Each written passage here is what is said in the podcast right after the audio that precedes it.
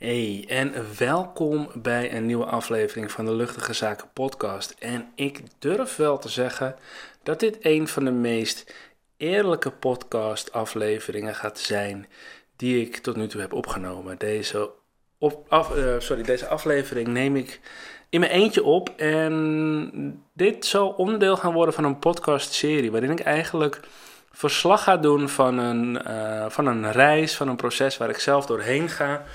Um, iets waar ik nu als mens zelf tegenaan loop. Um, en daar ga ik verslag van doen. Daarvoor ga ik deze podcast opnemen. Dit zal geen gelikte aflevering zijn. Um, niet dat je die echt van me gewend kunt zijn. maar ik ga hierin gewoon mijn eigen proces delen. Um, en wat dat proces is, dat ga ik je zo uitleggen. Hey, mijn naam is Mark Rietvink en ik ben breathwork en hypnose coach. En ik begeleid ondernemers um, vol vertrouwen zichtbaar te zijn. Dat doe ik met één op één trajecten waarin ik ze begeleid um, om volledig zichzelf te kunnen zijn waar op de wereld dat dan ook is. En dat vind ik super gaaf om te doen. En ik vind het heel erg gaaf om mensen, ondernemers, te laten ervaren, de vrijheid te laten ervaren om vol vertrouwen zichtbaar te zijn. Um, en ik ben er ook ontzettend goed in. Dat durf ik ook wel te zeggen. Dat vind ik heel erg gaaf. Dat ik dat durf te zeggen, dat ik dat kan zeggen. Maar ik zou geen mens zijn als ik niet zelf ook bepaalde reizen door te maken heb. Bepaalde innerlijke, mentale, emotionele en spirituele reizen. En de afgelopen periode ben ik er bij zo eentje aangekomen. Gisteren ben ik door mijn, uh, nou ja, ondertussen kan ik haar wel mijn life coach noemen, um, gewezen op een bepaald stuk in mij dat nog wat aandacht verdient. En dat is mijn innerlijk kind. En ja, wat is dan je innerlijk kind? Wat is mijn innerlijk kind? Ik wist het niet zo heel erg goed. En ik heb hier een heel mooi boek. Het hele van je innerlijk kind. Jezelf bevrijden door het contact met je innerlijk kind te herstellen. En dat is wat ik de komende tijd ga doen. En daar ga ik jou uh, als luisteraar in meenemen als je daar interesse in hebt. Dat vind ik heel erg tof als je erbij bent.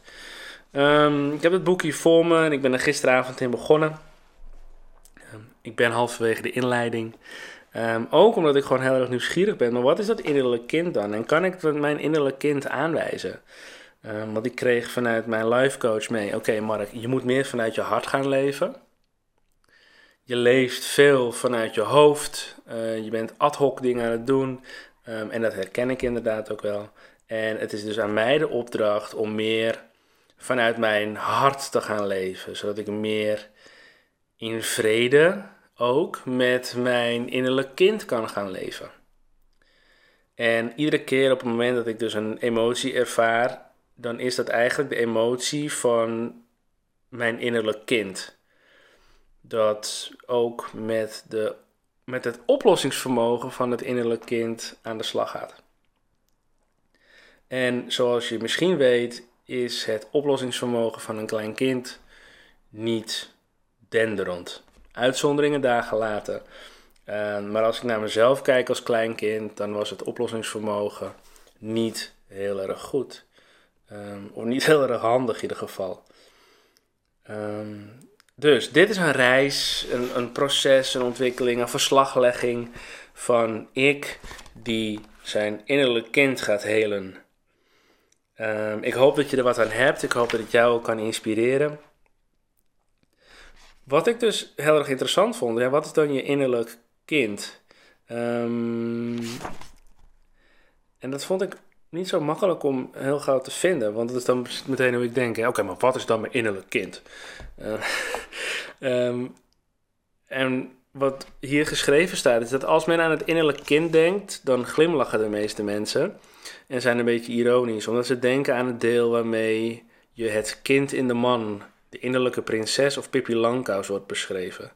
Dat kind dat af en toe een beetje ruimte krijgt en soms een ijsje mag kopen. Um, weet je, dat kind dat je er af en toe even uitlaat om een dansje te doen, uh, noem maar op. Maar het schijnt dus veel meer dan dat te zijn. ehm, het is ook je innerlijk kind dat je ertoe kan brengen om anderen en jezelf onder controle te willen houden en te veel van anderen of jezelf te eisen.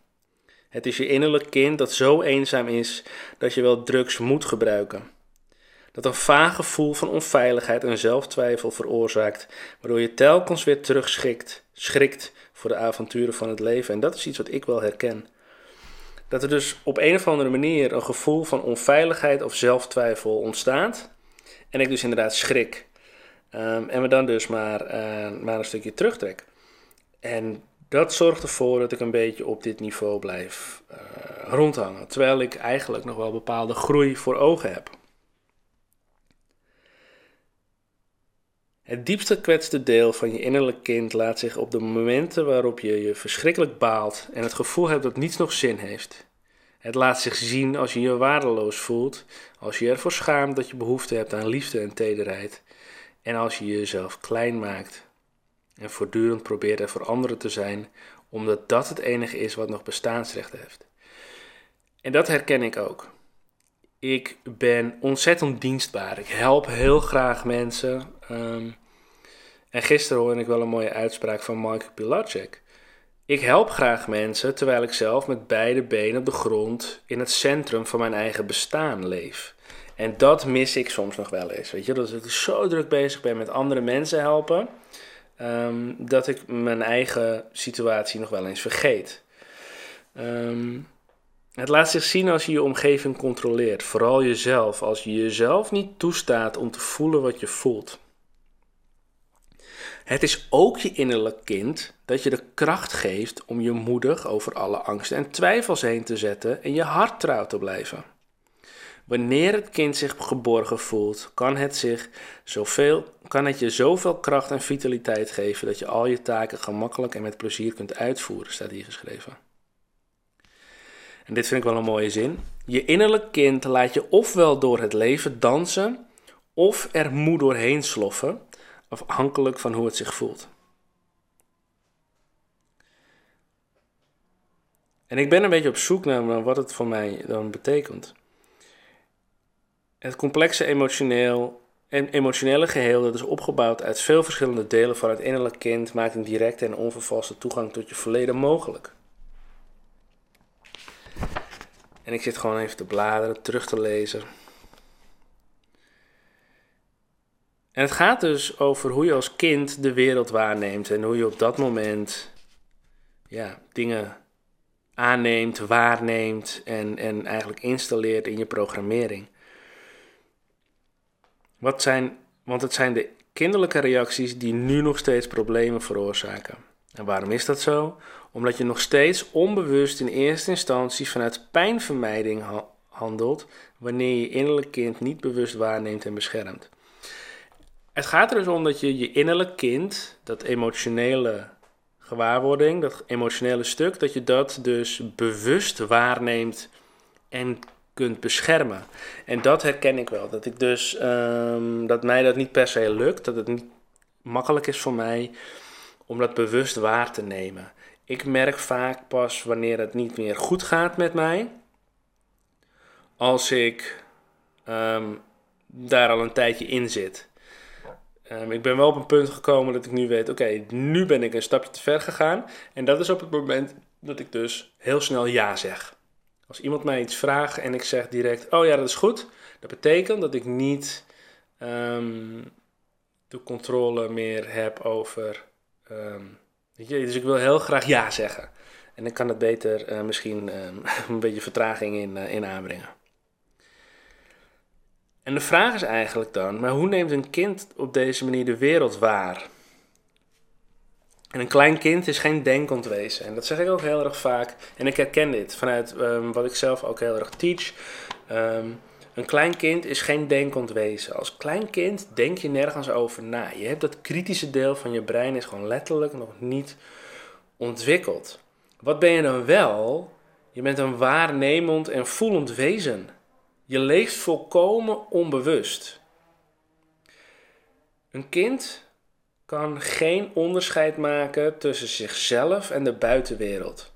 En een kind is daarin een groot begrip. Hè? Ehm, dus tienjarige kinderen die snappen echt wel dat iets wat aan de andere kant van de straat gebeurt, niet met iets met zichzelf te maken heeft. Maar vooral in die eerste maanden, weken, misschien wel een jaar, dat jij als klein kind voornamelijk bij je ouders bent, misschien nog wel het meest bij je moeder, dan herkent een kind het verschil niet tussen zichzelf en de buitenwereld. Alles wat het waarneemt hoort in de ervaring van hem. Dus alles wat ik in het eerste jaar van mijn leven heb meegemaakt, hoorde bij mij. Dus ook al was mijn zus verdrietig, dat was mijn verdriet. Ook al was mijn moeder afwezig, was dat mijn afwezigheid. En wilde ik juist haar veiligheid en liefde ervaren, zij was niet aanwezig, misschien fysiek niet aanwezig of, of emotioneel niet aanwezig. En het was dus ook mijn afwezigheid. Haar afwezigheid was mijn afwezigheid. En um, nou weet ik niet of per se mijn moeder heel erg afwezig was. Niet dat ik me dat bewust kan herinneren, maar dat is dus het ding. Um, ja, weet je, al haar. Ja, ik weet niet hoe ik het moet noemen. Ik noem het maar even een tekortkoming. Al haar tekortkomingen waren ook die van mij. Haar pijn was mijn pijn. Mijn vaders pijn was mijn pijn. Dus dat is iets wat ik de komende tijd ga helen. Um, en dat ga ik doen aan de hand van verschillende oefeningen. Misschien kom ik hierdoor wel met mensen in gesprek. Um, ik ben heel erg benieuwd. En ik ben ook heel erg benieuwd hoe dit voor jou is. Um, of jij bekend bent, of jij ervaring hebt met het helen van je innerlijk kind, of überhaupt met het zijn met je innerlijk kind, en hoe je dat vormgeeft. Dus luister deze podcast, denk, hé, hey, dit vind ik echt een tof onderwerp, hier wil ik meer over horen. En ik heb hier ook wat over te delen. Let me know. Laat het me weten. Ik ben heel erg benieuwd hoe jij dit, um, dit deel van de reis ervaart. Um, ik weet ook zeker dat um, ja, deze reis die ik zelf ga doormaken, dit proces, ook weer invloed gaat hebben op de manier waarop ik andere mensen begeleid. Um, ik merk dat dat eigenlijk altijd zo is. Op het moment dat ik zelf er als, persoon doorheen ga, dan is dat weer ervaring die ik mee kan brengen in, um, ja, in mijn klantgesprekken. Dus kijk, hier staat nog wel een mooi stukje. Je kunt alleen vertrouwen ontwikkelen wanneer je positieve ervaringen opdoet. En dat vind ik wel super gaaf. Dus je kunt alleen zelfvertrouwen ontwikkelen wanneer je positieve ervaringen opdoet. En positieve ervaringen opdoen, dat is dus waar het om draait. Want daardoor groeit je zelfvertrouwen of vertrouwen. Wanneer die ervaringen ontbreken of als ze slechts sporadisch voordoen, dan blijft je vertrouwen verbrokkeld en is het meer gebaseerd op hoop dan op daadwerkelijke ervaringen. Wanneer een baby angst voelt, of het nu zijn eigen angst is of een persoon in zijn omgeving, hè, daar hadden we het net over, dan reageert het angstcentrum, de amygdala, met een ondubbelzinnig, ondubbelzinnig bevel aan de hersenstam. Er dreigt gevaar, je moet vluchten, vechten of je doodhouden. Een baby kan niet vechten. Nou, vluchten, dat schiet ook niet heel erg op. Dus wat een baby daarin doet, is die, die sluit zichzelf gewoon af. En dat herken ik wel. Ik ben wel iemand die zichzelf kan afsluiten in bepaalde situaties. Die dan gewoon, ja, alsof ik gewoon uitcheck. Ja, um, op verjaardagen bijvoorbeeld, dat ik dan niet op mijn plek ben. Of als ik, um, dat is nu wel anders, maar als ik voorheen bij mijn ouders was en we waren in gesprek, dan waren we aan het praten, maar dan was ik gewoon uitgecheckt dan, dan luister ik niet echt. Of ik luister wel, maar met een automatische piloot kon ik daar dan wel door dat gesprek heen gaan. Dat is wel anders gelukkig. Ik kan daar veel meer bij mezelf blijven. Dus dit is ook niet iets waar ik helemaal nieuw in ben. Um, maar ik merk wel dat er echt een stuk meer bewustzijn op mag komen. Dat het heel anders mag. Um, of heel anders, dat er meer bewustzijn in, in, in mag ontstaan. Ik lees hier ook dat je meerdere innerlijke kinderen hebt. Oké, je hebt dus een innerlijk kind in elke leeftijd en in elke emotionele toestand die je ooit hebt meegemaakt. Dus je innerlijk kind is eigenlijk meer een verzamelnaam voor alle emotionele toestanden die je als kind hebt meegemaakt. Oké, check. Nu snap ik meer dat het een, dus een verzamelnaam is en niet één klein ventje in mijn geval dat um, bepaalde staat van zijn is. Mooi. Een kind neemt verantwoordelijkheid en zorg op zich, speelt de clown en brengt iedereen aan het lachen. Maakt zichzelf onzichtbaar en is niet meer bereikbaar. Trekt zich in zichzelf terug. Oké, dit boek is blijkbaar voor mij geschreven.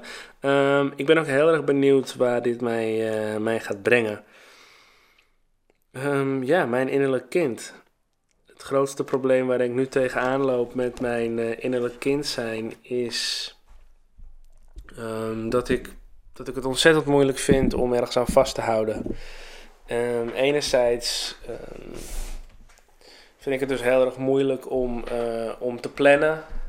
Um, ik kan wel plannen, maar om vervolgens de planning te houden, dat vind ik, dat vind ik ontzettend. Uh, ja, da daarin ontstaat heel veel moeilijkheid. En dat komt dus blijkbaar doordat ik dat moet van mezelf. Ik moet van mezelf structuur houden. Ik moet van mezelf alles doen. En dat herken ik wel, dat ik dat volledig vanuit mijn hoofd doe. Ja, maar dat staat geschreven, dus dan zal het wel werken. Terwijl ik ergens ook merk dat het niet is wat ik wil. En wat wil ik dan wel? Ik wil vooral, ja, misschien is dit wel het innerlijke kind dat nu aan het woord is. En dat is vooral, ja, gezien worden. Even pas op de plaats kunnen maken. Weten dat het veilig is. Weten dat ik niks moet. Maar dat ik gewoon de ruimte en de rust ervaar waarin ik vanuit mijn hart kan leven. Dat ik iets kan willen. En niet dat ik alleen maar voor anderen hoef te zorgen. Wat ik best wel. Uh, enerzijds voelt dat dus heel erg goed. Hè, voor andere mensen zorgen. Voor Evie, voor mijn dochter, voor mijn vrouw. Um, voor mijn schoonmoeder, mijn ouders, waar, nodig, waar mogelijk. Dus dat ik heel erg bezig ben met voor anderen zorgen.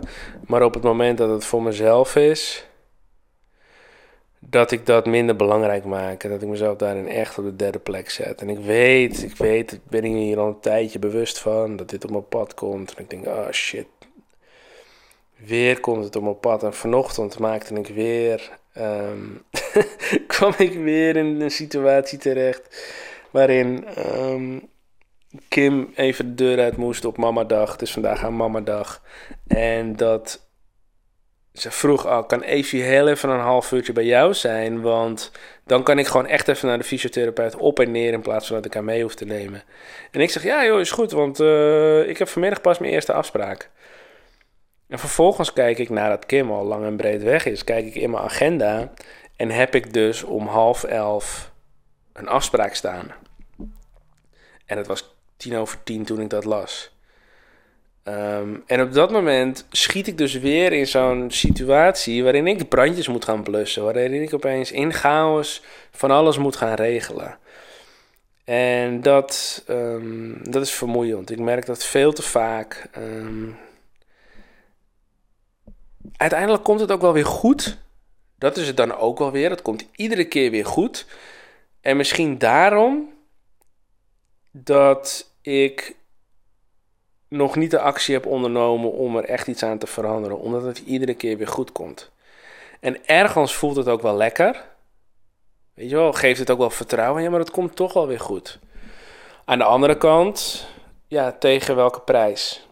Het komt goed tegen welke prijs? Hoeveel stress, gezeur, ellende en misschien wel pijn moet eraan vooraf gaan voordat het goed komt. En daar wil ik nu verandering in brengen. Um, ik wil niet dat